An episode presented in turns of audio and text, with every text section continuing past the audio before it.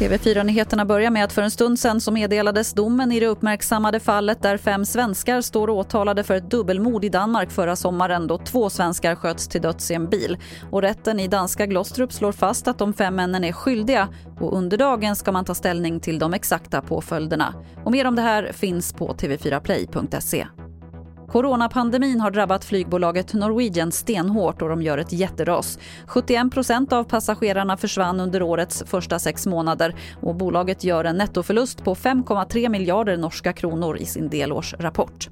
Ikväll inleds kräftfisket för allmänheten i Vättern och i ett försök att rädda den akut hotade svenska flodkräftan så har man infört nya regler. Bland annat har man kortat ner fisket till tre helger och begränsat fångsten till max 60 kräftor per person och dygn. Mikael Bergström är fisketillsynsman på Länsstyrelsen.